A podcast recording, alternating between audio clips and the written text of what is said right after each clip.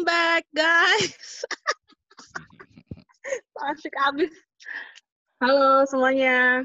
Halo. Akhirnya kita balik lagi ke agenda bulanan kita. Kali ini kita ada di FCAP yang ke-20 ya. Wah, gak kerasa udah 20. Beneran udah 20 kali ya kita melakukan FCAP. Berarti udah ada 20 buku yang kita bahas. Gil, Nah, bulan ini yang mau kita bahas itu adalah buku tentang principles dan strategis. Dari ini bukunya judulnya Creative Confidence. Pengarangnya dari Tom Kelly and David Kelly.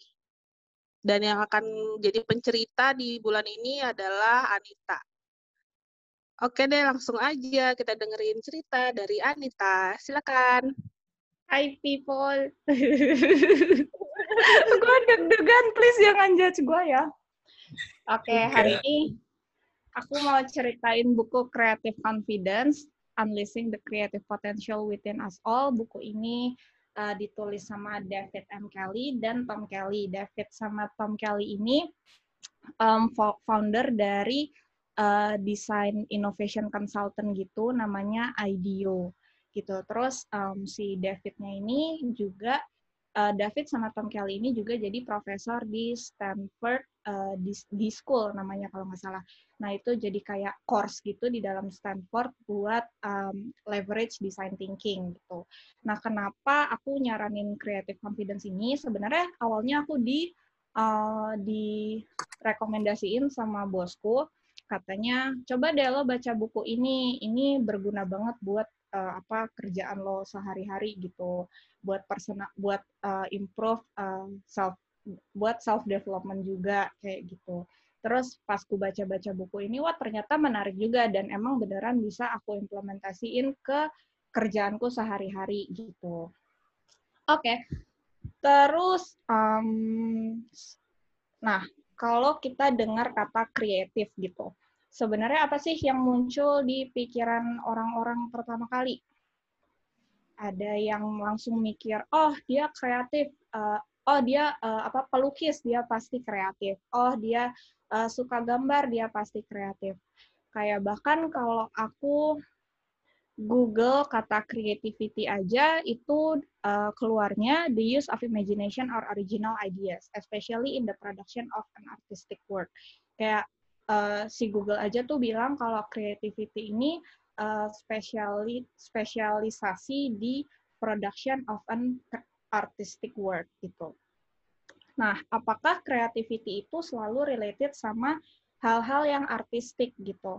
Apakah creativity ini um, ada sejak orang dari sejak orang lahir sejak orang lahir atau uh, creativity ini sesuatu yang bisa kita asah dan kita bangun gitu.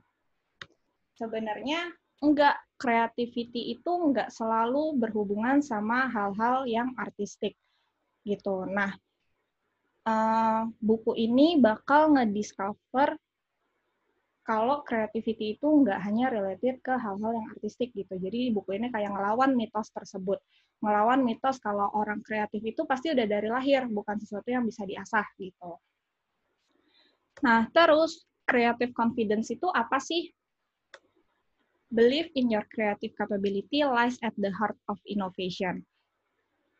Ini ada adalah sebuah quote dari buku ini gitu ya. Nah, sebenarnya creativity itu adalah gabungan dari thoughts, itu bisa jadi imagination, ide-ide yang kita punya, dan solusi yang uh, kita punya.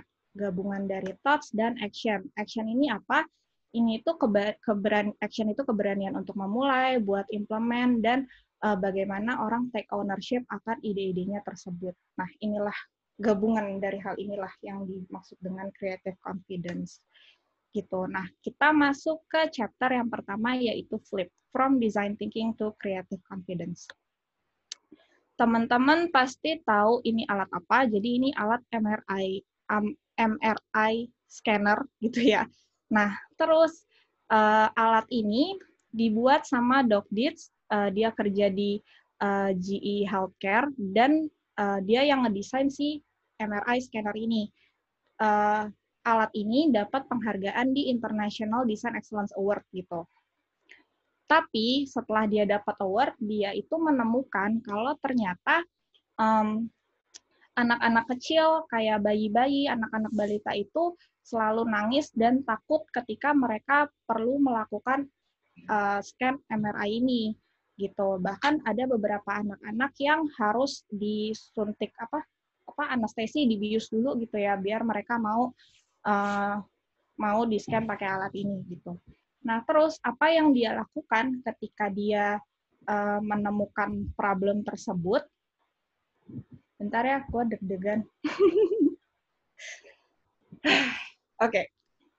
Yang dia lakukan adalah dia nyoba human-centered design. Jadi dia ikutan uh, workshop ke mana-mana gitu buat menemukan uh, solusi yang paling tepat buat uh, problem anak-anak uh, kecil yang nangis tersebut, buat anak-anak kecil yang nangis tersebut gitu kan. Nah, dari workshop-workshop itu, dia nemu lah namanya Human Centered Design. Human Centered Design ini apa sih gitu kan? Jadi sebenarnya Human Centered Design ini basicnya itu adalah design thinking. Yang pertama, empathize, define, uh, idea, prototype, dan test. Nah, kelima step ini yang kita sebut sebagai design thinking atau human centered design gitu. Nah, mungkin uh, termnya ini design thinking uh, mungkin teman-teman mikirnya ini lebih relevan buat orang-orang yang kerja sebagai desainer gitu ya. Padahal sebenarnya enggak. Ini bisa jadi juga sebagai uh, problem solving framework buat uh, ya buat apa ya? Buat eh sorry, problem solving framework buat uh, yang bisa kita pakai di pekerjaan sehari-hari atau project-project kita gitu. Nah, aku mau bahas step ini satu per satu. Yang pertama, empathize. Nah, yang empathize itu apa sih? Yang pertama itu kita uh, explore ke dunia luar dan jangan hanya uh, diem aja nih di kantor gitu. Kita kayak benar-benar keluar gitu ke lapangannya gitu.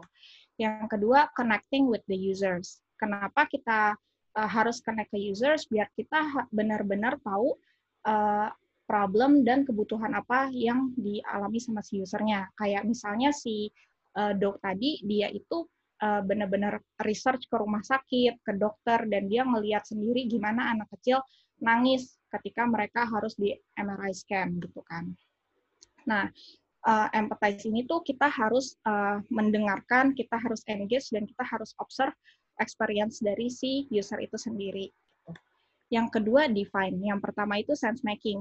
Nah, dari problem-problem yang udah kita temukan di empathize nih, dari insight-insight uh, customer yang udah kita dapat, kita mapping tuh insight-insightnya dan kita cari pattern uh, pattern buat garis besar insight-insight tersebut gitu kan. Yang kedua, focus and prioritization. Nah, mungkin dari empathize itu kita menemukan uh, banyak banget problem gitu ya. Nah, kita tuh harus narrow down the problem dan kita fokus ke problem yang bisa kita tackle yang within our control gitu. Yang kedua, actionable frameworks. Ketika kita udah tahu patternnya, kita udah tahu uh, problem mana yang mau kita tackle, kita bikin uh, actionable frameworks-nya. How kita breakdown uh, problem tersebut dari uh, kita breakdown problem tersebut jadi uh, point-point actionable item gitu. Nah, buat uh, step define ini kita bisa pakai empathy map kita bisa observe user atau kita bisa research langsung ke usernya dan kita nge-mapping nih apa sih yang user says, thinks, does, and feels. Gitu. Next, ID. Step ketiga, ideate and prototype. Yang pertama itu explore new possibilities. Um, jangan terpaku sama satu solusi yang ada di kepala kita aja, tapi kita tapi ide itu sebenarnya bisa datang dari mana aja. Bisa dari uh, teman setim atau dari si user sendiri bahkan gitu dan kita harus explore sebanyak-banyaknya uh, ide-ide baru gitu. Yang kedua experimentation. Nah, experimentation ini buat step yang prototype, spesifik ke step yang prototype gitu. Kenapa kita butuh experimentation? Biar kita uh, dapat feedback dari si user itu sendiri. Dan sebenarnya experimentation ini nggak harus selalu uh, pro, uh, barang yang udah perfect gitu. Bahkan bisa jadi kayak kalian baru uh, phase uh, two out of four gitu ya, kalian udah bisa mulai bereksperimen gitu. Terus uh, step yang terakhir itu tes. Yang pertama itu diimplement, jadi experimentation-nya itu kita implement, terus kita tes ke user langsung dan kita get feedback. Terus dari feedback-feedback yang kita dapat, kita iterate, kita uh, bikin improvement dari uh, product experimentation kita. Nah, terus si dok ini setelah dia melewati step-step tadi, dia bikin uh, Amara scanner yang tadinya kayak gini, jadi kayak gini. Jadi technicality-nya itu sendiri sebenarnya nggak berubah, tapi dia ngerubah experience uh, yang dialami sama anak-anak kecil ketika mereka mau di uh, eh, MRI scan gitu kan. Jadi kayak misalnya ini ada yang uh, bawah laut gitu, atau temanya ada yang luar angkasa, ada yang temanya pirate gitu. Jadi dia ngerubah uh, experience yang dialami anak-anak kecil tersebut biar mereka nggak takut dan nggak butuh anestesi buat melakukan MRI scanner gitu. Nah, di buku ini itu nyeritain um, find the, the sweet spot.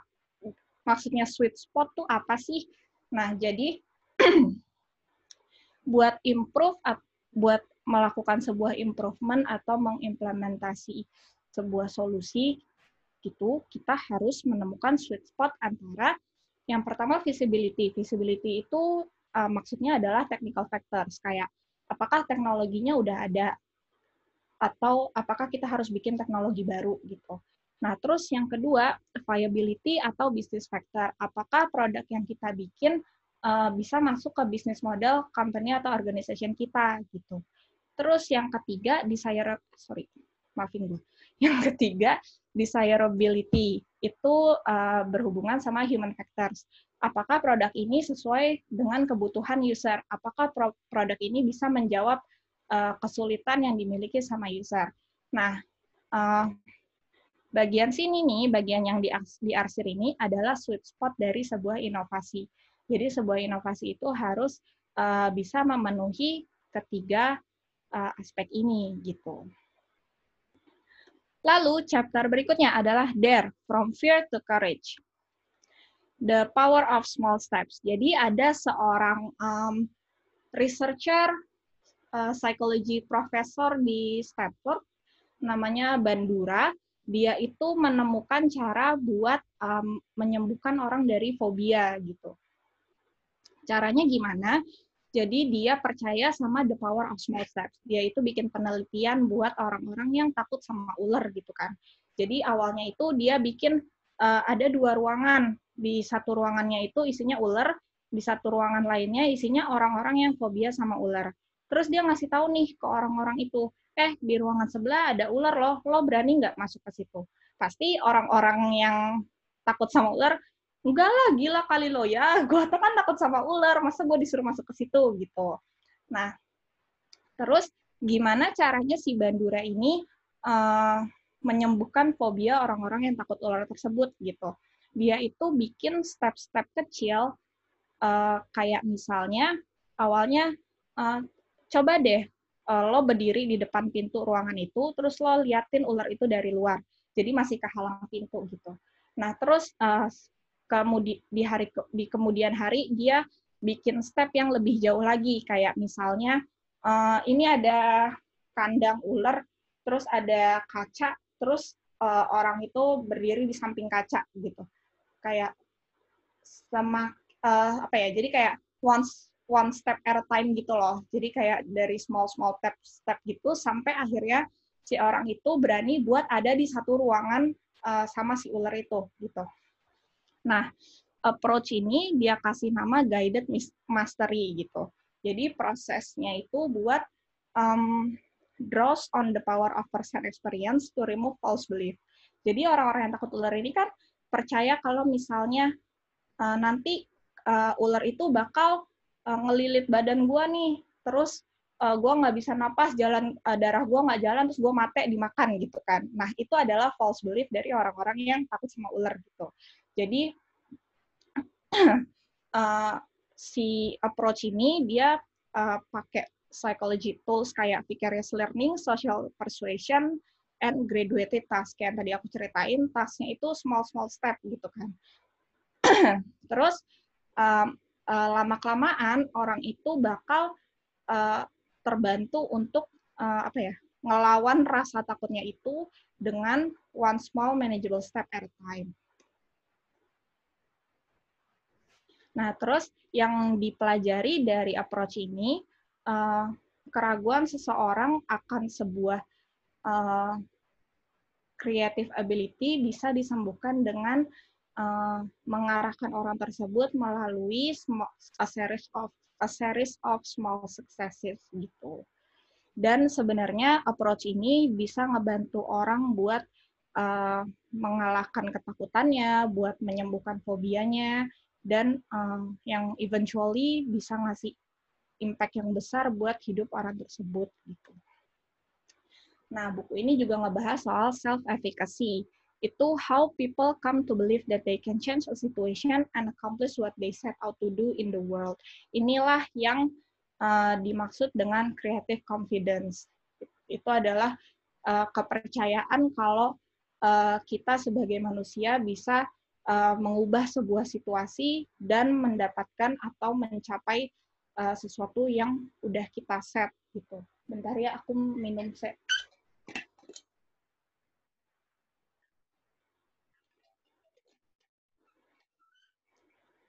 Next the failure paradox.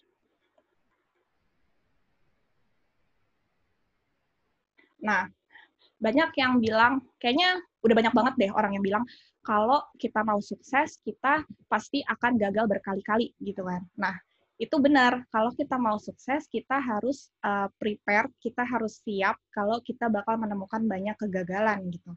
Malah semakin cepat kita menemukan sebuah kegagalan, akan semakin juga akan semakin cepat juga kita buat improve atau ngebenerin kegagalan tersebut gitu yang yang pada akhirnya kita bisa belajar dari uh, kegagalan tersebut. Jadi pelajaran yang kita dapat dari kegagalan itu bisa bikin kita lebih pintar, bahkan lebih kuat. Terus ada satu quote di buku ini, uh, failure failure sucks but instruct. Yang aku sebenarnya oh couldn't be more agree gitulah ya asik terus uh, uh, buku ini juga ngasih tahu tentang urgent optimism jadi urgent optimism ini sebenarnya didapat dari orang-orang uh, yang suka main game gitu. Kayak misalnya nih aku main apa ya Mobile Legend gitulah ya, let's say. Nah terus kayak awal-awal, kok gue kalah mulu ya, kok gue kalah mulu ya, tapi kayak jadi penasaran, terus malah nyoba lagi, nyoba lagi, nyoba lagi sampai akhirnya dapat epic win gitu. Nah, cara oh, apa ya attitude orang main game ini dibilang sebagai urgent optimism, the desire to act immediately to tackle an obstacle. Jadi ketika aku kalah pertama kali, aku bukannya nyerah, tapi aku malah kayak nyoba lagi, nyoba lagi sampai akhirnya aku dapat epic win gitu. Nah, kalau misalnya kita udah apa ya um, ngebangun kebiasaan urgent optimism itu itu bakal bikin uh, diri kita familiar sama kegagalan gitu. Jadi uh, kita bakal terbiasa buat gagal, tapi kita bakal terus coba lagi, coba lagi sampai akhirnya dapat epic win. Permission to fail. Nah, ini juga menurutku psychologically trick gitu sih sebenarnya yang apa ya lebih gampang diomongin daripada dilakuin gitu ya tapi kita itu harus um, kasih diri kita get out of jail free card. Itu maksudnya kayak gimana sih? Jadi uh, kita itu harus kasih permission ke diri kita sendiri buat kita gagal. Kayak it's okay kalau kalau lo gagal gitu. Jangan uh, apa ya jangan malah stres kalau misalnya kita gagal gitu. Kalau misalnya kita mau bikin eksperimen ya kita bilang ke orang-orang ini tuh cuma eksperimen kita cuma uh, ngetes aja gitu kan. Biar kita juga uh, apa ya nurunin ekspektasi orang lain biar kegagalannya itu nggak bikin nggak um, bikin karir kita hancur gitu. Karena ini kan kita cuma ngetes gitu. Eh sorry sorry. Karena ini kan kita cuma ngetes gitu bukan sesuatu yang uh, udah kita launch komers komersial atau kayak launch officially gitu kan. Ini hanya eksperimen gitu. Jadi kasih disclaimer uh, ke orang-orang juga gitu. Embrace your failure. Nah, ketika kita melakukan kesalahan atau menemukan kegagalan, kita juga harus acknowledging acknowledge the mistake gitu. Kenapa ini important? Karena kalau misalnya kita nggak acknowledge the mistake, kita nggak bisa moving on gitu. Kayak kita harus cari tahu apa yang salah, apa yang bisa kita improve gitu kan. Gimana caranya gue bikin ini jadi lebih baik ke depannya gitu. Kalau misalnya kita nggak embrace dan kita nggak belajar, kita justru tend to uh, do the same mistake gitu. Terus tips berikutnya, let go of comparison and judgment. Kayak sering banget nggak sih pas masih kecil itu kita kayak mau ngapain aja nggak mikir gitu kan. Kayak nggak peduli orang mau ngomong apa. Yang mau nyoret-nyoret tembok lah, yang mau nyoret-nyoret kasur lah, kayak kita asal ngelakuin aja gitu. Tapi semakin kita gede, kita semakin mikirin apa ya, nanti orang ngomong apa ya, kayak gitu kan. Nah, ini juga rasa insecurity ini juga harus kita uh, buang jauh-jauh gitu karena kalau misalnya kita terlalu fokus sama uh, pikiran orang, sama uh, judgement orang, kita malah nggak jadi bisa malah kita malah nggak fokus sama sesuatu yang benar yang sebenarnya harus kita kerjain gitu.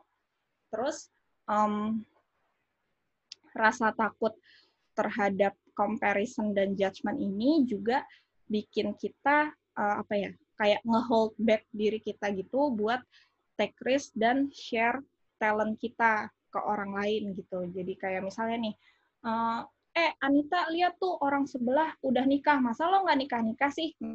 Itu kan kayak kita jadi gimana gitu ya dibandingin kan. Nah terus sebenarnya kalau aku pikir-pikir, uh, mungkin ada banyak faktor yang bikin aku yang udah dewasa gini jadi suka takut take risk gitu ya buat takut bikin salah. Kayak mungkin pas sekolah juga kita nggak dibiasain buat bikin salah itu nggak apa-apa gitu. Tapi kayak kalau bisa ya jangan salah gitu kan. Itu kayaknya ngebangun apa ya personality juga ngebangun that insecurity gitu loh pas kita dewasa kayak gini gitu. Nah sebenarnya itu yang harus kita buang jauh-jauh gitu. Terus uh, drawing confidence.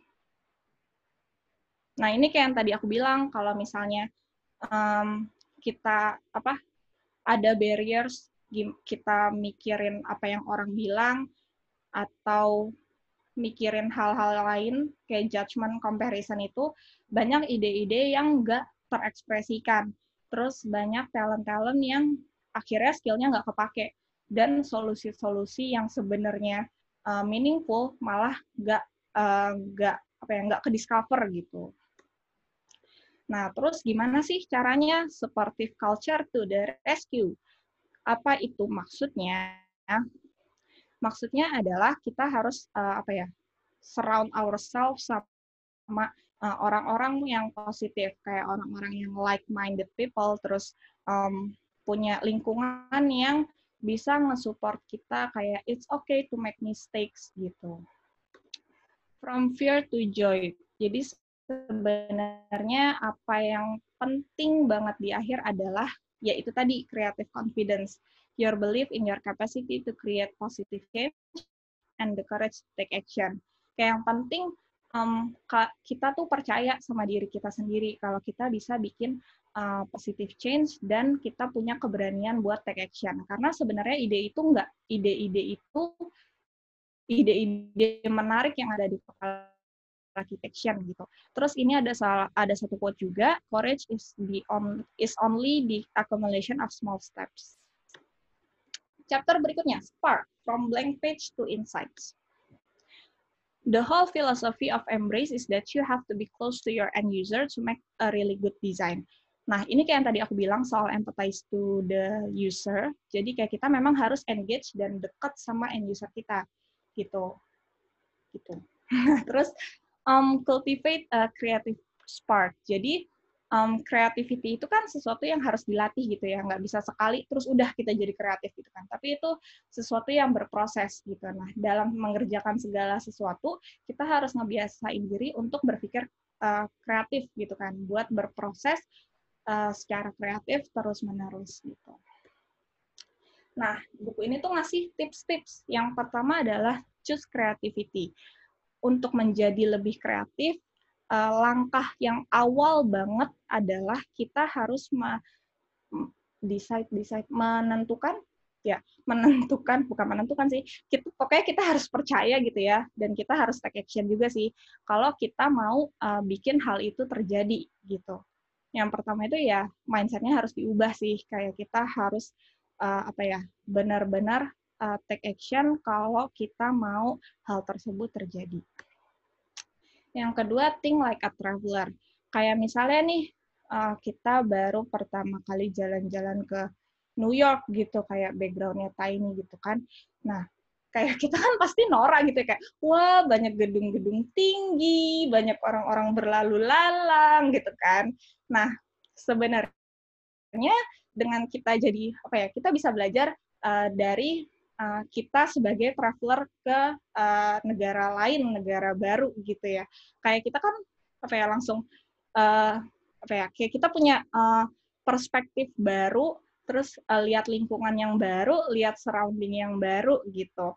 Kita jangan nunggu sampai ada uh, spark to magically appear, tapi kita harus nge-expose diri kita buat ide-ide dan pengalaman baru juga gitu. Jangan nunggu, tapi kita yang uh, take the first step buat expose diri kita ke dunia dan ke dunia baru gitu.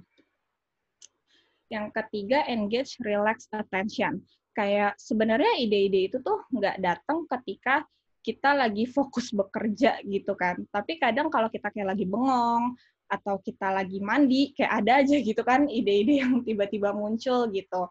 Nah, sebenarnya kalau misalnya kayak kita lagi ngerjain sebuah tas atau project gitu, terus kita udah mentok banget nih, kita nggak tahu harus apa. Nah, di buku ini tuh nyaranin buat kita take uh, kayak 20 minutes break gitu, biar kayak uh, kita bisa disengage our mind dari pekerjaan tersebut.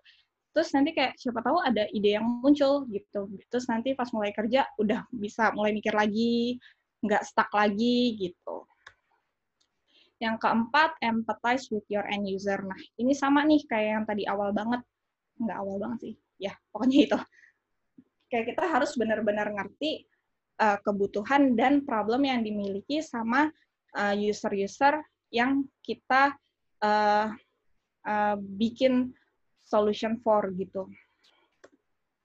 Yang kelima, do observations in the field. Nah, kayak yang tadi aku bilang, kita akan akan lebih baik kalau kita uh, melakukan observasi langsung di lapangan.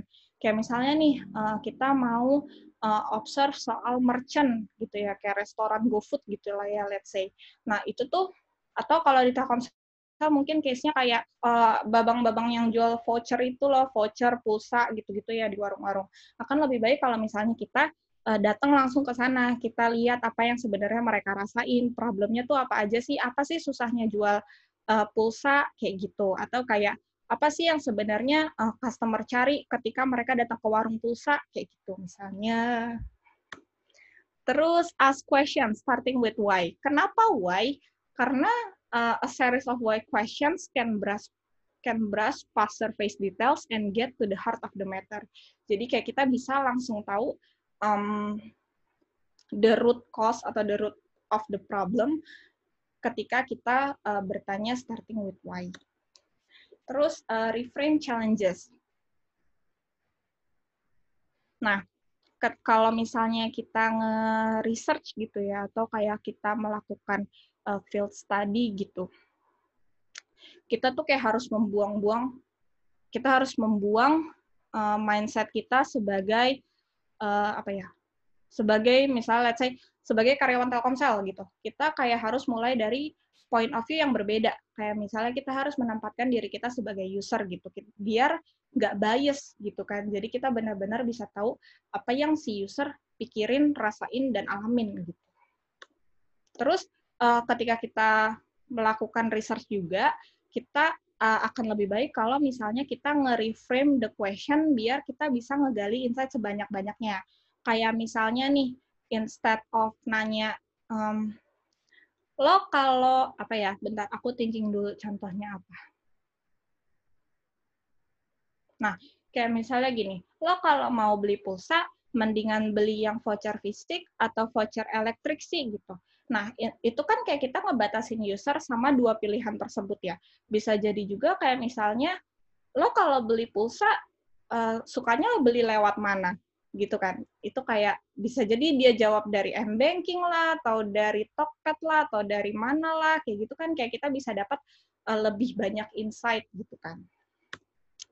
Lalu, build a creative support network. Kayak, ya jadi selain support network ini bisa ngebantu kita buat um, apa ya buat lebih berani take action tapi uh, uh, support creative network ini juga uh, bisa ngebantu kita buat bounce the ideas of kayak misalnya kayak tadi aku bilang uh, ide itu bisa datang dari mana aja. Makanya akan lebih baik kalau kita punya orang-orang buat uh, kolaborasi bareng biar kita bisa mengumpulkan banyak ide-ide gitu dan itu bisa juga ngebantu let the idea juice flowing gitu loh. Oke, okay, begitu. Next chapter. Leap from planning to action. I learned that creativity is always in hindsight. It's not about just coming up with the one genius idea that solves the problem, but trying and failing at a hundred other solutions before arriving at the best one. Jadi memang um, failure itu sesuatu yang lumrah banget ketika kita melakukan ketika kita melakukan sebuah inovasi gitu ya. Nah, the do something mindset ini tuh adalah salah satu quality yang dimiliki sama orang-orang dengan creative confidence. Jadi orang-orang yang eh, orang-orang uh, dengan creative confidence ini mereka itu nggak cuma jadi passive observers, tapi mereka speak up juga. Mereka punya active voice dan mereka percaya kalau uh, action mereka itu bisa uh, bikin uh, positive impact, positive change gitu. Makanya itu yang apa ya memotivasi mereka buat take action gitu. Kayak mereka tuh tahu kalau mereka nunggu, mereka planning terus itu nggak akan udah-udah gitu karena perfect plan itu apa ya nggak bisa didapetin dalam waktu yang sekejap gitu. Jadinya orang-orang dengan creative confidence ini mereka memilih buat move forward gitu. Mereka tahu mereka nggak selalu benar, tapi mereka selalu positif. Eh sorry, mereka selalu optimis uh, sama ability yang mereka punya gitu. Stop planning and start acting. Nah buku ini tuh ngasih tips. Uh, buat kita mulai start acting. Yang pertama, get help. Kayak kita bisa uh, ngerekrut atau um, consult ke orang-orang gitu ya. Kayak let's say consult ke uh, company lain atau consult ke teman kita, tanya-tanya gitu. Yang kedua, create peer pressure.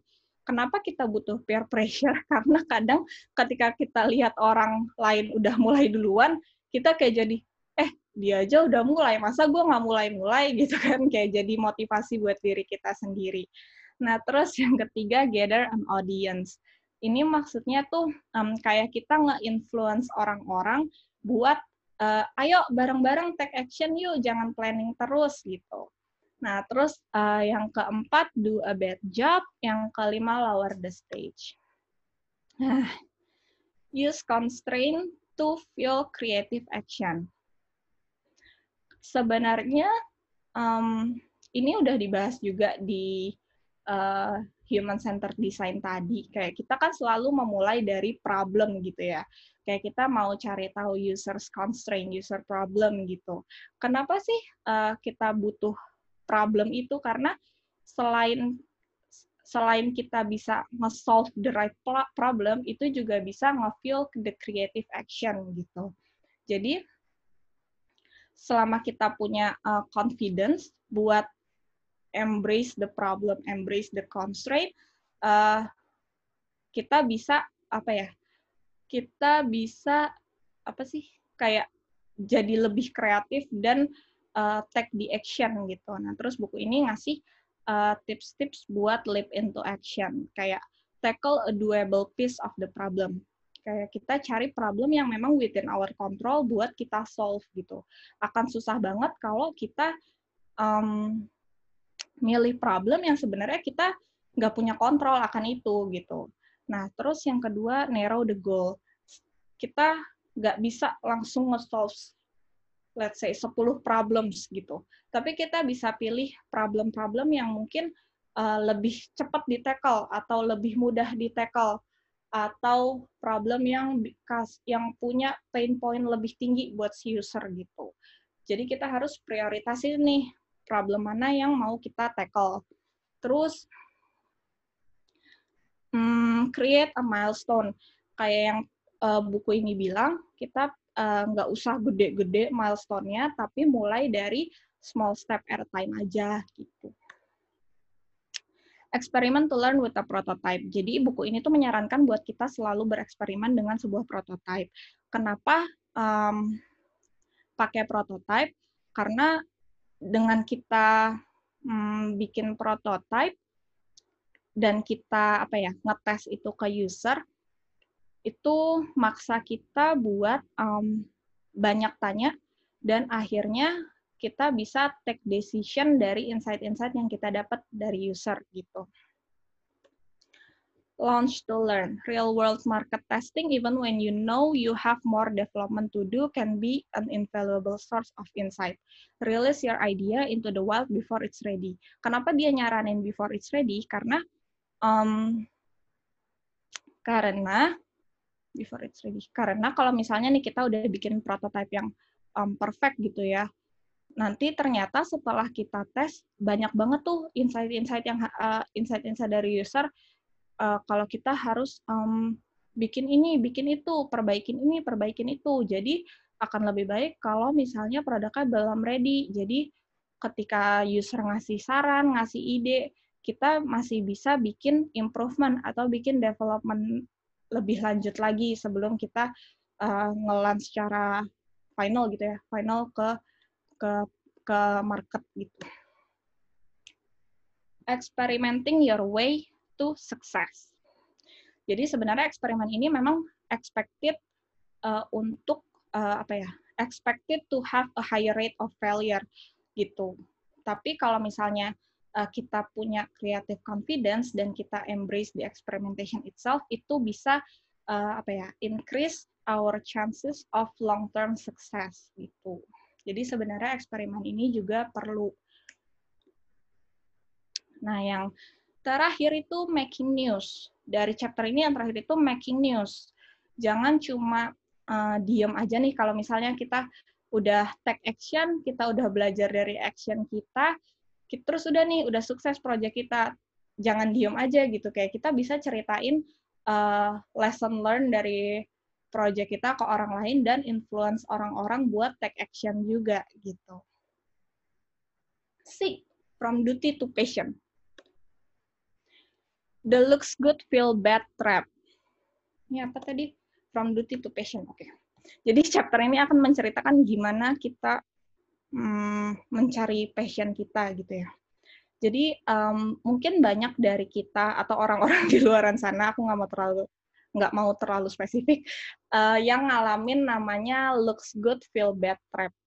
Ini tuh apa sih? Jadi uh, looks good itu ketika mungkin pekerjaan kita punya title yang prestigious atau kita kerja di company yang bergengsi gitu. Tapi yang kita rasain sendiri, kita tuh feel bad sama pekerjaan tersebut gitu. Nah, sebenarnya ini tuh kayak nggak baik gitu buat diri kita sendiri gitu.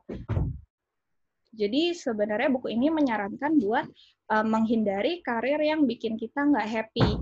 Tapi kita akan lebih baik kalau akan lebih baik kalau kita menemukan uh, the right fit uh, yang sesuai sama interest, skill, dan value kita. Nah, terus ada seorang hmm, profesor, ya, profesor, associate profesor gitu di Yale University, dia bilang ada tiga cara orang melihat sebuah pekerjaan gitu ya. Ada yang bilang a work is a job gitu. Ada yang melihat a work as a job. Itu orang uh, orang-orang yang melihat a work as a job itu memang uh, akan efektif untuk mereka bayar tagihan, bayar sekolah anak, ngasih makan anak istri dan lain sebagainya. Tapi dia itu merasa hidup pas weekend aja. kayak misalnya dia bisa jalan sama keluarga atau dia bisa melakukan hobi-hobinya. Terus ada yang kedua itu ada orang yang uh, see a work as a career yang di mana orang ini fokus sama promotion and getting ahead. Jadi dia itu fokus buat naik level terus dan dia fokus buat ticking off uh, achievement yang udah mereka uh, dapetin gitu daripada mereka um, ngeliat uh, meaning yang lebih dalam dari pekerjaannya dia gitu. Terus yang terakhir ada orang yang uh, see a work as a calling. Ini itu lebih deep lagi sebenarnya. Jadi orang-orang yang melihat a work is a calling itu ketika mereka melakukan sebuah pekerjaan yang yang dapat rewardnya tuh nggak hanya company-nya aja, tapi dirinya sendiri juga ngerasain rewardnya gitu, gitu. ya begitulah ceritanya. Lalu, nah biasanya orang-orang yang kerja sesuai passionnya itu masuknya ke calling kayak dia tuh apa ya ngerasa happy ketika dia bekerja gitu. Secure passion. Sebenarnya kenapa kita disaranin buat secure passion menurut buku ini? Karena ketika orang bekerja sesuai passionnya atau orang-orang yang melihat pekerjaan as a calling, itu mereka bisa uh, unleash uh, apa ya full their full potential, energy, and enthusiasm yang eventually bakal uh, ngasih meaningful contribution ke uh, pekerjaannya dia gitu. Terus gimana sih buat kita cari passion kita gitu? Buku ini nyaranin buat um, kita breakdown momen-momen di hidup kita di mana kita ngerasa paling alive, di mana kita ngerasa paling hidup gitu. Yang pertama, coba jawab pertanyaan what were you doing and who were you with? Kayak apa yang lagi kamu lakukan dan kamu lagi sama siapa? Misalnya kamu lagi melakukan misalnya kamu suka melukis tapi orang-orang yang orang-orang yang melukis sama kamu tuh nggak menyenangkan kan kamu nggak happy juga gitu kan. Jadi kita harus uh, apa ya what uh, uh, ngap kita ngerasa paling hidup pas lagi ngapain dan lagi sama siapa. Terus what about it did you love? Apa yang bikin kamu suka? Terus yang ketiga how can you recreate key elements in other situation? Gitu. Kalau misalnya kita udah identified Eh, area-area tersebut dan kita mau explore lebih jauh, kita harus komit buat uh, ambil small small steps uh, small small steps of action setiap harinya buat kita uh, apa ya cari tahu lebih banyak dan kita bisa broaden our horizon gitulah ya di area-area tersebut. Nah ini bisa juga nih kalian pakai um, uh, tips ini find your sweet spot. Ini kayak Venn diagram gitu, jadi kalian cari um, sesuatu hal sesuatu yang beririsan sama ketiga hal ini. What are you good at? What were you born to do? What people what will people pay you to do? Jadi kayak kalian cari hal-hal yang uh, beririsan sama ketiga aspek ini. Nah, kalau misalnya kita uh, nggak punya ruang untuk uh, melakukan uh, hal yang kita suka atau mencari passion kita di pekerjaan kita, kita juga bisa bereksperimen sama side project di luar kantor gitu. Karena sebenarnya side project ini uh, bisa ngebantu kita juga buat uh, apa ya? discover the creative ability dan the creative energy kita gitu. The courage to take leap. Nah, kayak yang tadi aku bilang, ide itu nggak akan berubah, nggak akan menjadi impact kalau kita nggak take action sama ide tersebut gitu kan. Jadi um, buku ini nyaranin banget memang buat take action sama ide atau solusi yang kita punya. Gitu. Make a change. Nah, sebelum kita apa ya sebelum kita explore lebih jauh, kita harus sadar dulu kalau misalnya uh, situasi tempat kita sekarang ini ada, kayak misalnya aku kerja di Gojek sekarang, itu tuh nggak cuma satu-satunya option yang aku punya. Tapi aku juga punya loh kesempatan kerja di tempat lain. Aku juga punya loh kesempatan cari experience uh, di tempat lain. Di bahkan nggak harus di tempat kerja gitu ya, kayak uh, let's say tempat makan deh gitu. Kayak nasi padang paling enak nggak cuma di di mana? Misalnya di Sari Indah loh tapi banyak tempat-tempat nasi padang lain gitu kan. Nah contohnya kayak gitu. Itu juga uh, berlaku buat uh, hidup kita gitu. Nah ini salah satu quote juga kayak um, kita itu harus terus uh, keep learning learn new skills terus uh, dia nyaranin tuh buat uh, di cerita-cerita kita tuh ditulis di dalam jurnal, terus uh, kita terus mencari dan uh, moving forward, moving toward a role that will feel as good as it looks. Jadi kita nggak masuk ke dalam the feel the looks good feel bad trap gitu kan. Karena apa yang kita lakukan looks good dan feel good juga gitu. Tim, Creatively Confident Groups. Ini chapter ke-6. To build a creative organization, you need to build creative confidence among key player. Mungkin ini chapter yang ini akan lebih relevan buat teman-teman yang uh, managerial level gitu, yang punya tim member untuk di-manage. Yang pertama itu dia ngasih tips buat karaoke confidence in your work culture. Kenapa sih karaoke? Karena kalau kita karaoke itu kan nggak tahu ya kalau kayak Mas siapa? Mas Kris atau Mas Haryo gitu. Kayak aku nggak pernah karaoke sama kalian tapi kalau kayak sama Mbak Indi Mas Google Tiny kayak kita tuh nggak malu-malu gitu. Kayak kita nyanyi nyanyi aja gitu kan. Nggak mau dijudge apa juga nggak peduli gitu kan. Kayak sama teman-teman kita have fun aja gitu. Nah ini culture culture uh, dari uh, karaoke confidence yang um, bisa kita terapin di work culture kita gitu. Terus care and feeding of an innovation team. Nah, um, buku ini ngasih saran ini juga. Ini balik lagi ini lebih relevan buat uh, manager gitu ya. Yang pertama know each other strength. Kayak kita harus tahu uh, ke kelebihan satu sama lain. Terus leverage diversity. Gitu kayak banyak banget sekarang company yang lagi uh, ningkatin diversity and inclusivity gitu kan. Karena memang um, tim yang diverse itu uh, apa ya bisa jadi apa ya ya gitulah. Apa sih? Gue mau ngomong apa sih? Sorry ya aku aku nggak fokus. Pokoknya ya itu kita harus leverage diversity gitulah.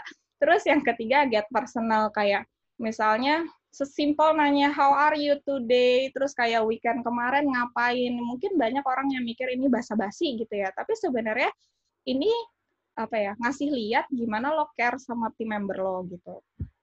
Terus put the relationship back in working relationship ya kayak jauh jauhkanlah dari affair-affair itulah ya. Terus craft craft your team experience in advance sama yang terakhir itu have fun gitu. Use language to shape your culture. Kenapa language? Karena uh, bahasa atau cara ngomong yang berbeda itu bisa apa ya ngebangun asumsi seseorang gitu. Kayak makanya kita harus menjauhi language yang uh, seksis atau rasis kayak gitu buat kita ngebangun relationship yang baik sama uh, tim member kita gitu. Karena language ini sebenarnya powerful banget buat uh, mengubah attitude dan behavior bahkan sampai culture di company kita gitu. Nah, ini quality atau tips, bukan quality sih, ini tips-tips untuk uh, menjadi a good innovation leader gitu ya. Yang pertama, be a talent manager. Kayak kalian cari tahu nih, uh, skill distribution di tim kalian, terus um, cari tahu kita masih kurang di mana, kita butuh orang kayak apa gitu. Terus yang kedua, find worthy challenge or mission. Jadi kayak misalnya setiap kali uh, tim member ngasih uh, pitch their idea gitu, nggak ada salahnya kalau kita nge-challenge balik ke tim member kita gitu. Itu bisa juga ngebantu tim member kita buat terus berpikir kreatif. Yang ketiga, encourage spirited debate. Kayak misalnya, spirited debate itu kayak misalnya kita lagi berargumen sama kolik kita, tapi nggak ada hard feeling gitu, kayak benar-benar lagi ngomongin soal kerjaan aja gitu. Terus yang terakhir, give team members ownership and appreciation. Kayak kalau misalnya mereka punya project, ya udah lepasin aja tuh project ke dia, biarin si team member ini uh, take the ownership of that project. Dan ketika si team member kita sukses, ya kita harus appreciate dan invest in the success. Gitu. tapping the creativity in us all. Hmm. Nah, ini kayak bahaya banget kalau misalnya kita selalu menganggap creativity itu hanya datang dari orang-orang yang uh, berpengalaman, orang-orang yang udah punya jabatan tinggi gitu misalnya. Karena sebenarnya balik lagi creativity itu bisa datang dari mana aja gitu. Kayak kalau misalnya buku ini itu tuh dia menyarankan buat um, rangkul orang-orang dari berbagai multidisciplinary teams. Terus ajak orang-orang buat ngebangun dan uh, ngebangun dan uh, express their ideas gitu. Kayak kita benar-benar ngebangun uh, apa ya? Manager itu disarankan untuk ngebangun safe space buat orang-orang itu berpikir kreatif, buat mengekspresikan ide-idenya dan uh, apa ya? multiplies the capabilities of the team members gitu. Terus chapter ke-7, move, creative confidence to go. Nah, sebenarnya di chapter ini tuh dia kayak ngasih 10 creative challenge gitu. Cuman aku kayak akan ngebahas empat aja yang memang bisa kita terapin sehari-hari. Kayak kita sendiri yang terapin pun nggak apa-apa gitu. Yang pertama, push yourself to think uh, divergently and creatively. Jadi emang kita harus ngebangun uh, habit buat berpikir kreatif gitu. Kayak kita buku ini tuh menyarankan kita buat pakai metode mind map. Ini kalau nggak salah Mbak Indi pakai ini gitu deh. Kalau nggak salah pakai mind map ini kalau misalnya ada requirement dari BU gitu kan. Nah, terus yang kedua, eh sorry, kenapa pakai mind map? Karena dari mind map ini kita bisa tahu insight-insight dari sebuah topik gitu. Kayak kita bisa nge-breakdown dan mengkategorisasi uh, insight-insight dari sebuah topik. Yang kedua, increase your creativity output. Kayak misalnya kalau kita lagi tidur gitu ya, terus kita mimpi kan, terus pas kita bangun, kita masih inget nih dikit-dikit mimpinya. Tapi lama-kelamaan udah siang gitu, udah lupa mimpinya, mimpi apa nih gue semalam gitu kan.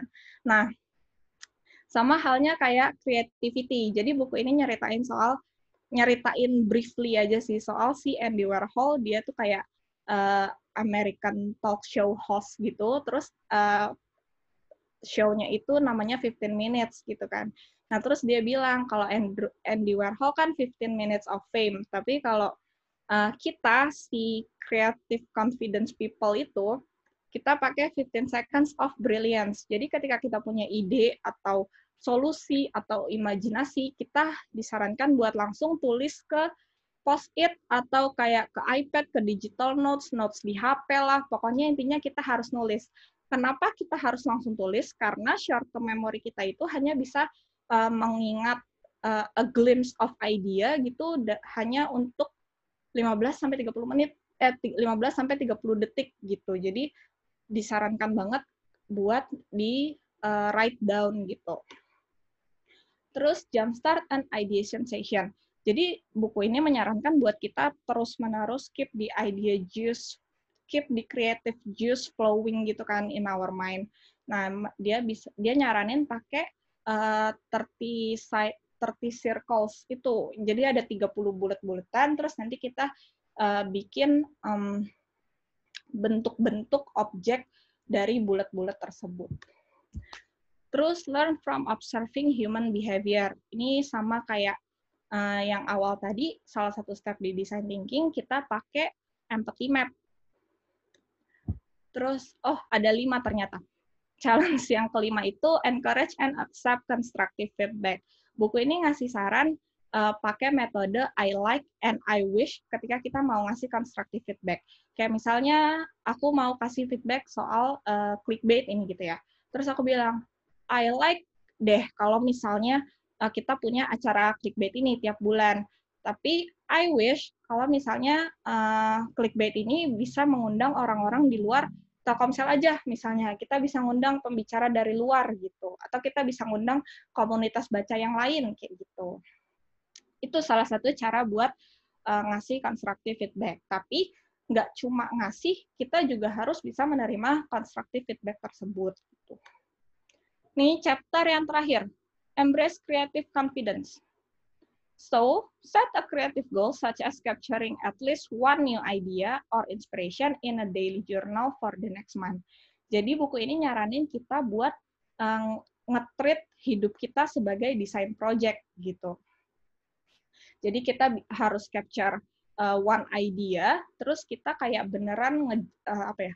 Beneran ngeplan dan take action sama idea tersebut tersebut gitu. Nah, terakhir itu dia ngasih strategi atau tips-tips buat uh, get started gitu kan. Yang pertama search for the big easy. Yang kedua experiment with experiences. Yang ketiga surround yourself with supportive networks. Ini sebenarnya kurang lebih hal-hal ini itu tuh udah dibahas di chapter-chapter berikutnya. Cuman ini kayak mau dirangkum lagi gitu. Terus yang keempat, explore open innovation communities. Nah, kalau si open innovation communities tuh kayak kita kayak misalnya di Telkomsel tuh kayak ini apa itu namanya yang Mas Google ikutan sama Ebo Inno Action kayak gitu. Nah, itu kan kita bisa nge-explore, bisa ketemu orang-orang baru juga, bisa uh, brainstorming bareng-bareng gitu. Terus yang kelima, embrace continuous learning. Yang terakhir, start designing your life. Nah, start designing your life itu kayak yang tadi awal aku bilang uh, treat your life as a design project. Nah, the best way to gain creative confidence. Ini aku mau tutup pakai quote ini ya ceritanya. The best way to gain creative confidence in your creative ability is through action. Taken one step at a time. Maci, udah selesai, gue capek. Mantul. Mantul kan? Wow. Bentar. Tapi ternyata creativity itu has apa ya less to do with artistic thingy rather Iya. than ini ya kayak Iya. sebenarnya inline dengan apa sih quotes quotesnya Gojek apa fail fast eh oh quote-nya Gojek tuh over execution ya kalau nggak salah si Babeh lo yang dulu tuh pernah tahu ngomong jadi dia tuh ngelakuin sesuatu tuh melalui over execution. Jadi dia overdoing the executions gitu. Ya fail fast, uh, learn fast itu juga sih konsepnya. ya kayak gitu. Steve Job ya kalau itu ya. Kenapa? Fail fast. Fail fast, learn fast tuh konsepnya siapa? Learn faster. Gua nggak tahu sejujurnya Mbak Indi. Gue nggak tahu itu konsepnya apa. Randy Bean. Ya. Gue juga nggak tahu siapa. Steve Jobs, stay fully, stay hungry ini. Oh ya. Ya, Gitu, geng. Ceritanya. Uh, sudah selesai. Nice, nice. Ayo kita mengubrul.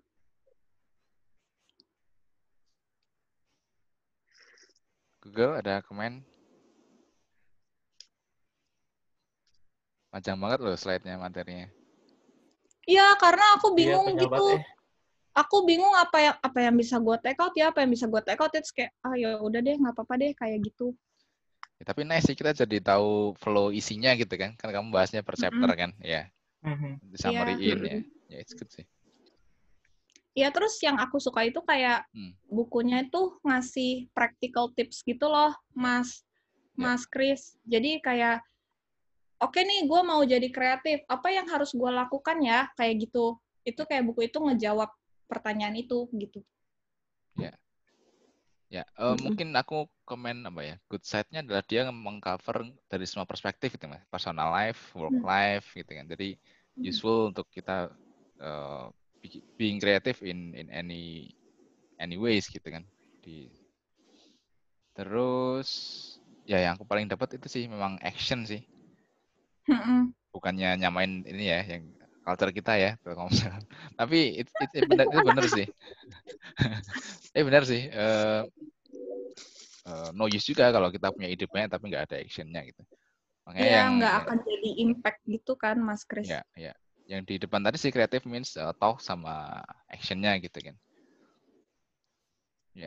Eh benar. Terus yang aku dan setuju juga dan aku juga mikir hal yang sama waktu kuliah itu leverage constraint untuk kita bisa more kreatif gitu. ya. Sometimes ketika kita dikasih constraint batasan kita jadi lebih mikir out of the box kan sometimes ya. Iya. Dan, ya, Hmm. ya good sih. Jadi Betul. in this in this Hmm. case tuh constraint malah a good thing ya. Ya, in some case, in some case, tergantung gimana kita leverage itu gitu kan. Karena kadang ketika dikasih kebebasan sebesar besarnya malah kita juga mau ke mana gitu kan. Tapi ketika kita dapat constraint kita malah jadi eh, kayaknya ada celah di sini deh gitu kan. Mm-mm. Hmm. Hmm. Bisa jadi culas juga kalau ada constraint. Hmm, ya culas sih mungkin Iya. in some Ya, ways jadi kan, kreatif ya kreatif. Iya. Let's say it's kreatif. kreatif. Kreatif ya. culas gitu lah ya. Culas kan basically kreatif juga sih? Ya, Iya, iya, betul. iya, iya. iya. Betul. Betul, betul. Tapi kalau dari aku ya yang resonate Hmm. banget itu adalah ya dua hal tuh. Eh, berani buat gagal ya, which is easy to say tapi apparently Hmm. kalau ya nggak sih nggak segampang itu Iya. buat dilakuin gitu. Pasti orang eh, nature-nya adalah takut gagal kan. Eh, ya tentang tentang gagal tadi aku menangkap satu hal yang menarik sih. Kalau mau gagal, eh, ambil eh, small stakes, ya kan. Nggak mungkin kita eh, mempertaruhkan hal yang gede untuk jadi gagal gitu kan. Kadang-kadang kita Mm-mm. mem- mencampurkan itu. Kenapa persentan Mm-mm. ini kita nggak mau kita eksperimen, kenapa nggak gagal? Karena stake-nya terlalu tinggi mungkin gitu ya, Andi ya. Misalnya Hmm. bikin aplikasi baru dong, tapi atau bikin sistem baru dong gitu kan. Flow-nya dibikin baru dong, tapi stake-nya terlalu tinggi kalau kita bikin itu, sometimes gitu. Makanya tadi di- disebut juga di di materinya Anita, start with Iya. small stakes gitu. Tuh, untuk bisa uh, uh, Iya. apa berani untuk gagal gitu. Itulah makanya perlu sama itu sih apa ke eh, konsekuensi dari kegagalan misalkan Mhm. kalau ketika apa ya eh, kalau kegagalan itu apa ya nggak di embrace gitu malahan tapi malah di apa ya ya dihindari. Orang kayak Hmm. jadi takut gagal kayak merasa bahwa ya kalau gagal itu ada sesuatu hal yang eh, yang akan hal buruk akan terjadi gitu. Nggak serta merta namanya ketika gagal oh ya udah biasa tuh apa yang bisa kita dapatin apa yang bisa kita gituin gitu ya apa yang bisa kita ambil dari kegagalan itu.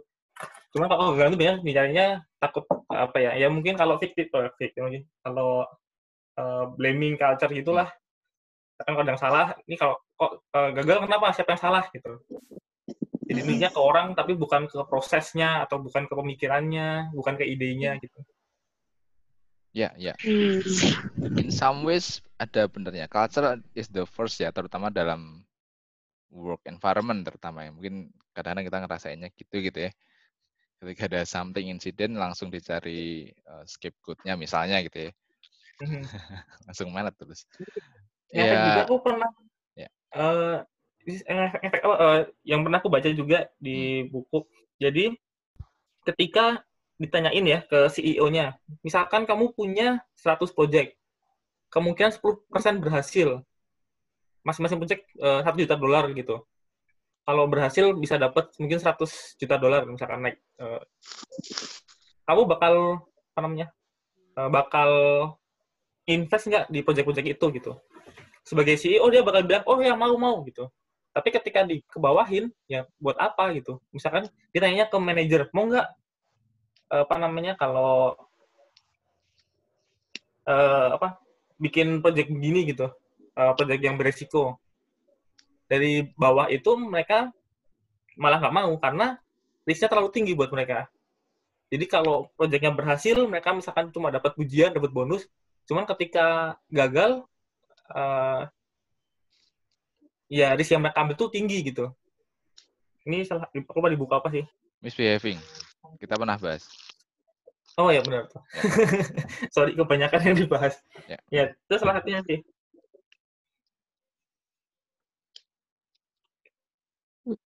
Terus tadi aku mau eh, komentar juga. Ah nih, kemarin tuh aku sempat bikin polling di IG story. Mhm.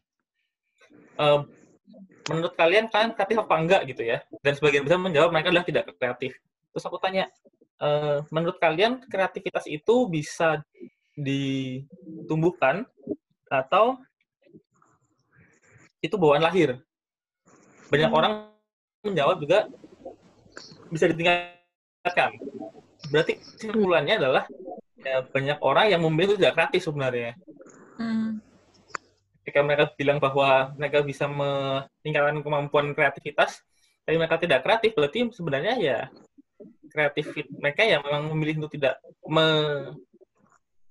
me apa ya menaikkan kreativitas mereka lah in a way. Hmm. Pertanyaannya adalah sebenarnya apakah Makanya kreativitas dibutuhkan oleh semua orang tadi atau enggak sebenarnya? Kenapa? Last sentence, sorry, gue missing. Eh, apakah kreativitas itu dibutuhkan semua orang Hmm. Atau ya ya udah beberapa orangnya cukup gitu dalam satu tim gitu ya udah 50 orang kreatif sisanya ya udahlah Hmm. Ya, mungkin aku nanggepin itu dulu ya, teman-teman lain silakan. Mungkin em, yang takes em, polling dirimu itu mengakui tentang growth mindset gitu kan. Jadi yang kita pintu tidak di atas batu gitu kan, itu bisa berkembang termasuk creativity. Tapi somehow nggak semua orang mau keluar dari zona itu gitu, zona nyamannya let's say gitu. Oke, gue tahu memang gue bisa kok, tapi gue nggak mau gitu. Gitu kan apakah mereka butuh itu ya kan semua orang punya priority masing-masing gitu kan. Hmm. sometimes ya udahlah gini-gini aja deh gitu anyway anyway dia juga nganggap tadi mungkin terkait dengan yang entah tadi ada job career sama calling gitu job is enough terus so what gitu. Ya udah itu itu pilihan juga kan Guk. Hmm. Kembali ke teori of choice kita yang kita pernah bahas juga kan. Ya mereka milih untuk ya settle. Ya sudah gitu. Nggak bisa nyalain juga gitu kan. Mungkin juga karena kita di eh, nggak nggak tahu juga sih. Kan kita harus harus tahu populasi yang kamu pollingin gitu kan. Mungkin kalau di circle kita yang mungkin terutama di Japanese culture mungkin ya em, zona nyaman itu sesuatu yang dicari gitu kan being a civil servant gitu kan Eh, job yang mapan gitu. mungkin gitu sih viewku silahkan yang lain Hmm. Kalau aku mikirnya apa ya background dan persepsi orang-orang mikir apakah apakah gua kreatif atau enggak itu beda-beda tergantung yaitu background sama persepsi orang. Sama kayak yang Mas Chris bilang sih mungkin kalau ditanya hal itu berapa ya kayak tiga empat tahun lalu deh mungkin aku akan jawab aku nggak kreatif. Karena aku berasumsi kalau kreatif itu hanya untuk artis gitu. Kayak gitu. Cuman semakin aku berprogres aku jadi tahu kalau kreatif itu sesuatu yang bisa dibangun sesuatu yang bisa diasah dan itu nggak hanya relate ke artistic thing aja kayak gitu jadi bisa jadi mereka jawab mereka merasa nggak kreatif karena mereka simply nggak tahu kalau kreativitas itu eh, apa ya bisa terjadi di mana aja, nggak cuma di hal-hal yang artistik gitu. Ngerti nggak sih maksud aku? Ya ya ya Gitu. good, good point.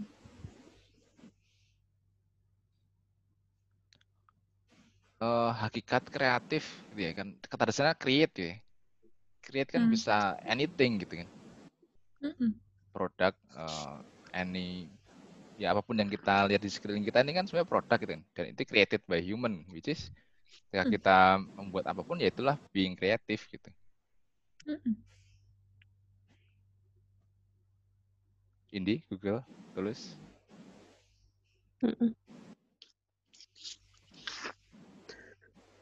Sama tadi Halo, satu sih yang aku notice juga ya. Eh, dia tadi ada mention gimana caranya nge-breakdown masalah tuh jadi eh, hal kecil yang tackable gitu ya, yang bisa kita tackle emang. Itu kayaknya sebelum tahu teorinya kayak emang sesuatu yang aku temuin di mana-mana nggak sih kayak dari di kerjaan, di kehidupan nyata. Cara untuk get through sesuatu yang susah tuh ya itu caranya di breakdown ke action-action kecil yang emang kita bisa kerjain gitu. Karena kalau kita ngelihat big picture-nya udah lemes duluan gak sih kayak anjir lah ini Hmm. panjang juga ya atau susah juga ya gitu.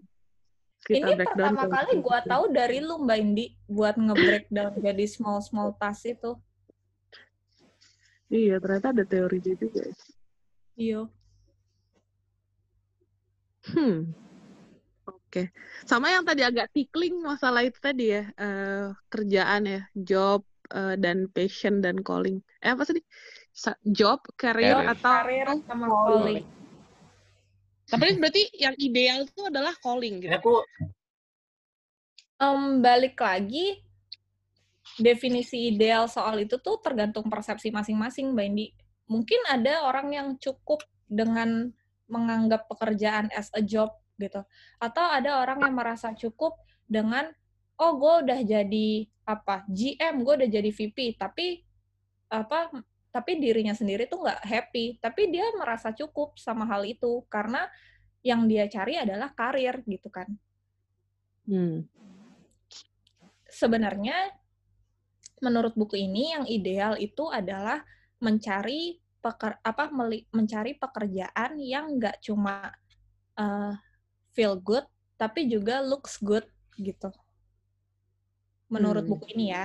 Cuman kalau menurut aku balik lagi itu ke persepsi orang-orang gimana dia melihat pekerjaannya dia. Terus dia juga banyak mention terkait sweet spot ya. Kayaknya a lot of uh, the idea is how to find the balance between several things gitu kan. Kayak Hmm. tadi buat nyari apa namanya tuh? Cari passion ya tadi kalau nggak salah apa yang Mhm. lo jago, apa yang people mau bayar sama apa yang lo lahir untuk lakukan apa passion lo ya di dunia ini Mhm. tujuan lo nyari-nyari sweet spot itu which is true to any situation sih kayaknya buat nyari sweet spot itu karena pasti ada sisi kiri dan kanannya gitu kan Hmm. Ya, ya. masalah-masalah Seru sih passion ini aku lagi di aliran passion is overrated. Tapi iya sih, passion itu overrated sih. kenapa Yang penting nemu sesuatu yang pay the bill ya mas. Mas Hugo. Eh? Enggak apa. Yang penting nemu sesuatu yang pays the bill ya. Face the bill. Oh. Eh, ini kemarin aku baca juga eh, bukunya judulnya eh, Too Good, Then So Good, You Cannot Be Ignored. Jadi Hmm. sebenarnya kayak orang tuh jadi jago, orang tuh jago dulu baru dia menganggap itu sebagai passion dan bukan sebaliknya. Kayak mencari-cari passion, terus Iya. kayak kamu nggak ternyata kamu sadar bahwa kamu nggak jago di situ dan akhirnya bilang arah. Kayak lebih baik jadi jago dulu, terus mencari ya terus baru ke arah passion itu. Ya dia bilang gitu sih passion is overrated di bukunya. Lagi beda aliran lah sama tapi tadi aku dengar sih? tentang yang Nah, tergantung gimana nanti tergantung lanjut lanjut lanjut, uh, ngerasa fulfilled atau enggak dengan keadaan yang sekarang gitu. Kalau lo ngerasa fine fine aja ya mungkin ya itu tadi kayak orang yang ngerasa nggak kreatif tapi dia nggak ngerasa ada kebutuhan buat jadi kreatif ya udah aja gitu orang yang nggak ngerasa dia harus punya passion berarti ya udah aja gitu. Tapi kalau ada kayak suara di belakang kepala lo ya nggak sih? Gue ngapain sih ini? Itu kayaknya lo penting buat nyari passion lo sih kayaknya. Kalau emang nggak ada ya udah. Tapi aku juga masih nggak tahu passionku apa. tapi lo udah suara itu nggak yang gue ngapain sih anjir? Lo Kalau sekarang enggak sih. ya berarti memang nggak bagi lo mungkin passion overrated gitu Iya. Karena gini, kayak misalnya nih, kayak let's say aku punya passion jadi apa ya, jadi public speaker gitu. Terus aku punya pekerjaan yang menuntut aku buat melakukan public speaking di mana-mana dan aku dibayar untuk itu gitu. Cuman dengan aku dibayar untuk menjalankan passionku, pasti kan kayak ada apa ya? Ada demand, ada tuntutan, ada pressure gitu kan. Terus apakah kita masih tetap suka sama passion kita gitu? Ngerti nggak sih? Hmm. Ya, ya, Malah ya, bisa jadi- jadi udah nggak enjoy lagi gitu. Mm-mm. itu kalau itu ya kayak kalau hobi diduitin ya diduitin ya Hmm. Iya, ya kan punya kalau orang misalkan soal foto-foto terus ketika dia dipaksa foto-foto kan belum tentu dia se-enjoy itu ketika melakukan hobi dia foto-foto dengan kerjaan dia foto-foto. Mm-mm. Eh, tadi juga sempat dibahas tentang itu ya, build trust ya. Ini tadi mencatat build trust, tapi Ya. aku lupa mau bahas apa ya. Tadi tuh build, Build trust tentang trust. Oh iya iya iya, tentang ini ya. Eh, di tim ya. Ya, itu ngomongin Mm-mm. tim konteksnya kayak. Mm-mm, Iya, yang iya. tim deh. Iya. Ya, itu menurutku juga pen- eh, penting banget sih yang build trust itu ya. Ya balik lagi ke tadi ya. eh, kalau gimana orang mau percaya dia boleh gagal kalau dia nggak percaya gitu dengan timnya atau dengan sekelilingnya sih. Karena Hmm. harus ada trust dulu bahwa eh, ya dari dua belah pihak ya bahwa yang satu gagal itu nggak masalah, yang satu bahwa dia akan melakukan semaksimal mungkin supaya nggak gagal gitu. Hmm. Jadi kayak Iya, dua belah itu- pihak tuh sama-sama percaya gitu loh.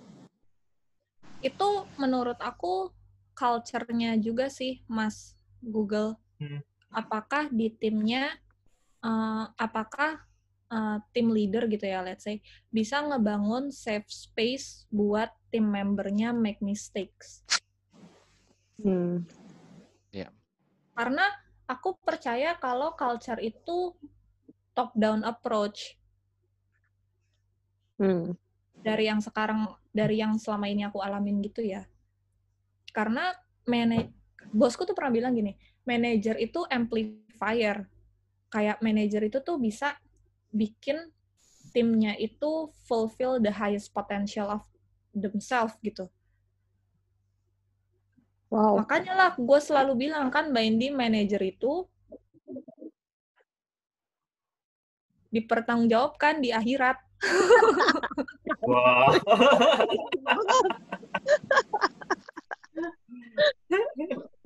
Kuat hari ini tuh. Iya, iya, setuju aku nih. Itu sempat juga aku kayak beberapa waktu yang lalu sempat apa ya?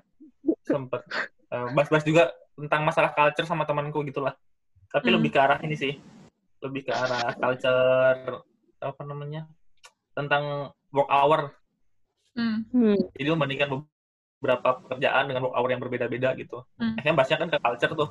Bahwa culture kayak ada perusahaan kayak di Jerman itu mereka nggak boleh ngechat nggak ada yang ngechat di atas jam 5 pagi eh 5 habis pulang jam pulang kantor lah pulang Hmm. kantor tuh nggak boleh ngechat kan nggak ngechat supaya ada kerjaan. Terus ada akhirnya temanku juga bilang bahwa ya sebenarnya ya ketika kita request sesuatu jam 6 itu sebenarnya juga sudah cukup eh, mengganggu gitu. Hmm.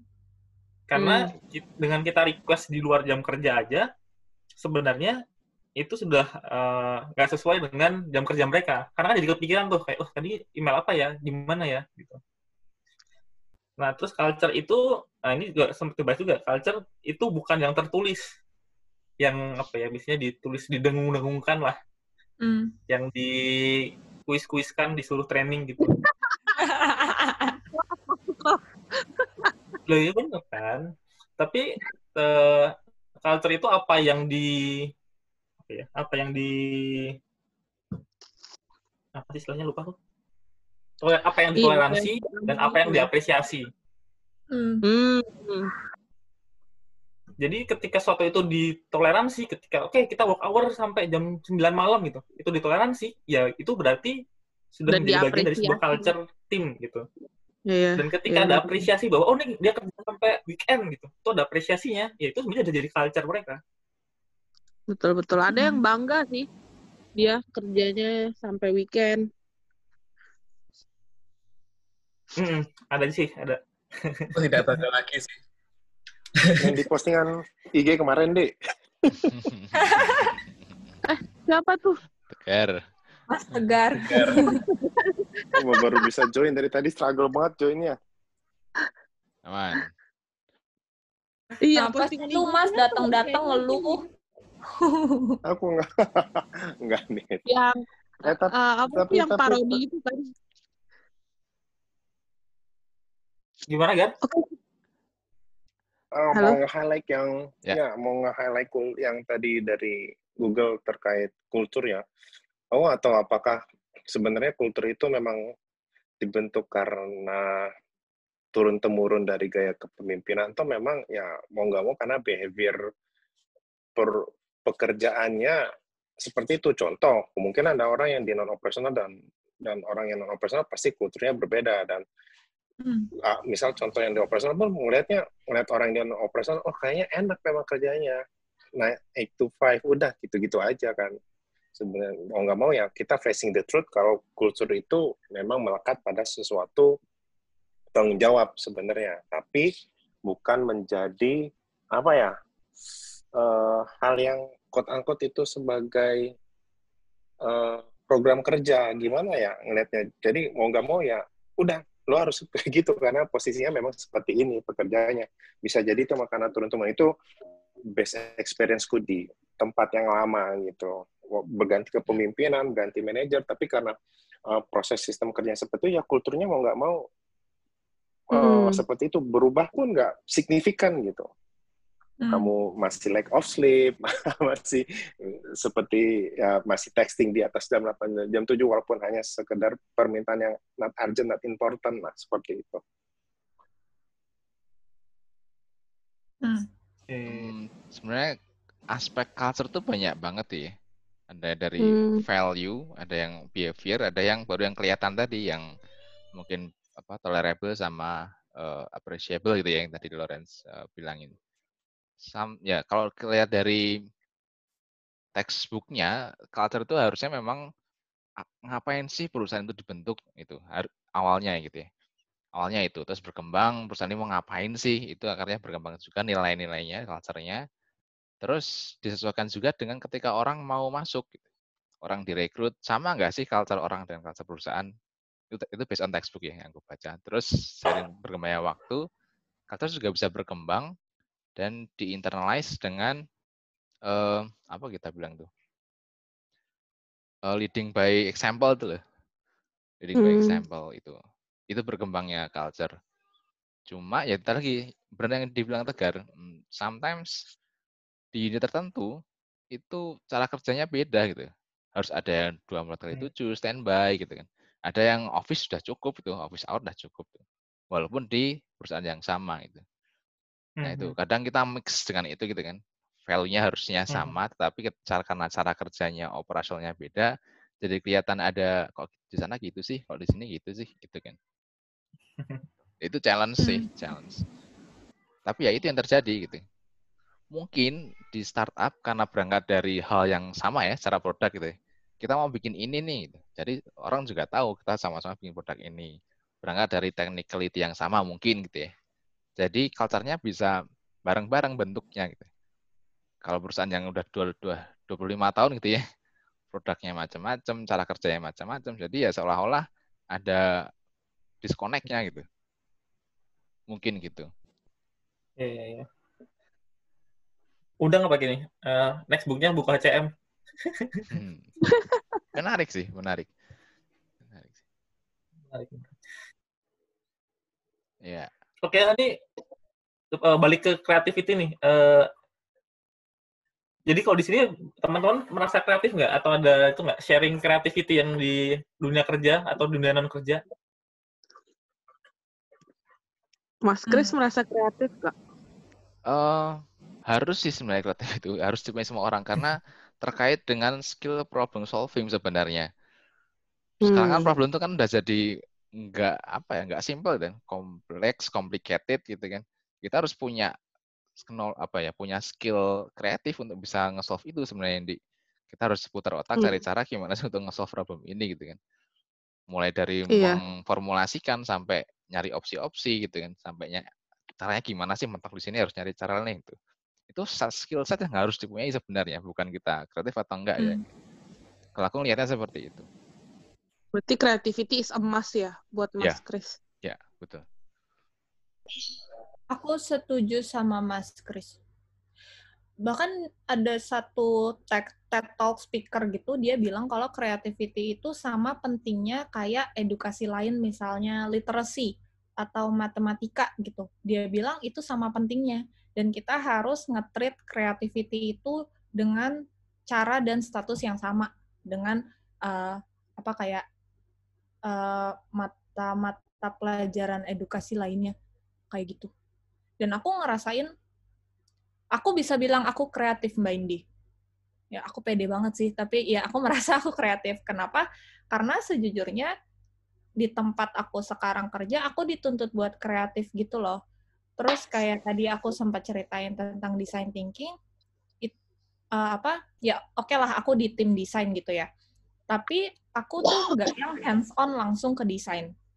Tapi buat ngerjain langsung, buat ngerjain project-project yang aku kerjain, kita memang selalu pakai framework design thinking ini. Bahkan nggak cuma di tim desain, tapi kayak tim produk atau tim research itu pasti semuanya pakai uh, uh, pakai uh, framework design thinking ini. Kita memang selalu start with the problem dan kita nge-treat semua project like a design project gitu. Jadi kayak udah mulai kebangun gitu sih habitnya Mungkin buat... komen dikit sih. Design thinking is not always about design sebenarnya. Hmm. Jadi uh, mungkin kita udah pernah sering dengar juga bahkan design thinking untuk tim agile, tim IT dan sebagainya gitu. Karena prinsipnya itu yang didapetin sebenarnya. Gimana memformulasikan yeah. empat apa? Empat empathize. ya, empathize ke user itu kan salah satunya. Yeah. Terus uh, incrementally gitu kan, tes, prototyping itu. Jadi hmm. nggak selalu tentang bikin desain juga gitu. Iya. Kayak itu memang bisa diterapin dari segala macam bidang sih, Mas Kris. Ya.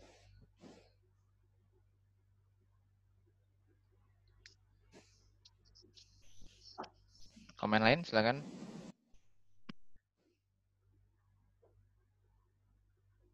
People, komen people.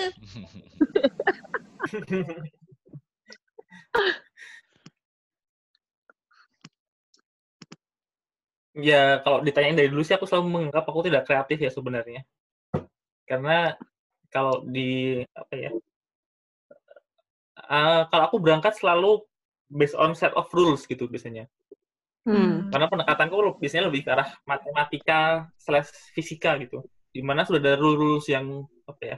Yang sudah ada, ada masalah apa dan bagaimana menggunakan tools yang aku punya itu untuk uh, menyelesaikan masalah yang ada gitu sebenarnya. In a way sebenarnya tuh bisa dibilang tuh kreatif karena nggak semua orang mungkin bisa menggunakan toolsnya dengan cara yang seperti itu. Mm. pikiran menggunakan toolsnya, oh, oh bisa ya toolsnya dipakai kayak gitu ya. Jadi ya nggak tahu sih sebenarnya. Tapi kalau aku pendekatanku rata-rata seperti itu sih. Ketika aku aku punya toolsnya seperti apa sih yang aku punya untuk mendekati masalahnya. Hmm. Dua komenku terkait itu. Pertama, ya ketika ada suatu soal kita kan bisa milih hmm. banyak rumus untuk misalkan itu gitu kan mau pakai iya, rumus yeah, yeah. yang mana itu kan sebenarnya kita hmm. mencoba untuk being kreatif gitu hmm. ya kan pertama yang kedua yeah, what what what if kalau satu soal nggak ada rumus yang directly solve itu gitu kan kamu akan nyari lagi dan turunannya lagi turunannya lagi kayak let's say gitu kan itu juga sebenarnya hmm. being kreatif menurutku tapi Mas Gu kamu yeah. tahu nggak kayak uh, apa? Kayak kamu kan kebiasaan pakai pendekatan matematika, fisika gitu ya. Kamu tahu nggak itu datangnya hmm. dari mana? Kamu kayak gitu. Nggak tahu. Hmm. Maksudnya apakah didikan lingkungan gitu? Datangnya yeah, dari mana? Yeah. Kayak apa yang bikin kamu selalu kayak gitu gitu? pendidikan kayak kebiasaan karena menurut aku itu sesuatu yang dibentuk sih sadar nggak sadar kebiasaan sih kayaknya kayaknya kebiasaan mungkin lebih ke hmm. kecenderungan menurutku ya mungkin hmm. in some way kamu nggak sadar sebenarnya ada saat-saat di mana kamu juga menerapkan creativity itu cuma kamu tertarik untuk lebih impress atau ya membekas terkesan kalau kamu mau use tools yang sudah ada frameworknya tadi mungkin ya. Hmm. Hmm. Mungkin di yeah. dengan kamu apa senang dengan astronomi gitu kan, which is semuanya kan eksak gitu kan.